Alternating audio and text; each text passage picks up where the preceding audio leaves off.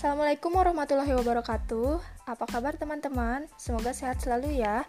Di tengah pandemi COVID-19 ini, diusahakan untuk selalu tetap di rumah dan jangan ke mana-mana dulu. Juga jaga kebersihannya agar virus COVID-19 ini cepat selesai dan kita semua bisa beraktivitas seperti biasanya.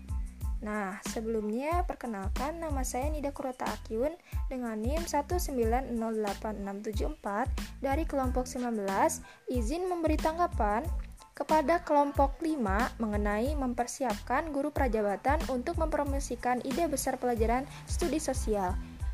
Sebelumnya, saya sangat mengapresiasi kepada pemateri yaitu Suci dan Ica yang sudah menjelaskan materinya dengan baik.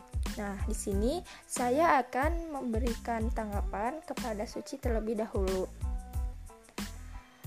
E, pembawaannya sudah sangat baik, namun alangkah lebih baiknya lagi jika lebih diperbaiki sehingga para pendengar tidak bosan ketika mendengarkan materi yang sedang dijelaskan. Selanjutnya, sering terdapat jeda saat berbicara, mungkin karena grogi. Ada beberapa kata yang salah diucapkan ketika materi sedang disampaikan. Untuk background musik yang dipilih sudah sangat bagus, sehingga sangat cocok untuk materi yang dijelaskan. Selanjutnya, saya akan memberi tanggapan kepada Ica.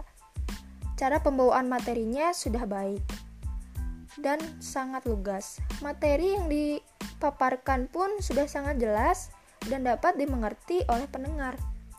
Background musik yang ditambahkan pun sangat pas untuk didengarkan dengan materi yang dibawakan. Nah, selanjutnya saya akan memberi tanggapan untuk salindia yang dibuat oleh kelompok 5.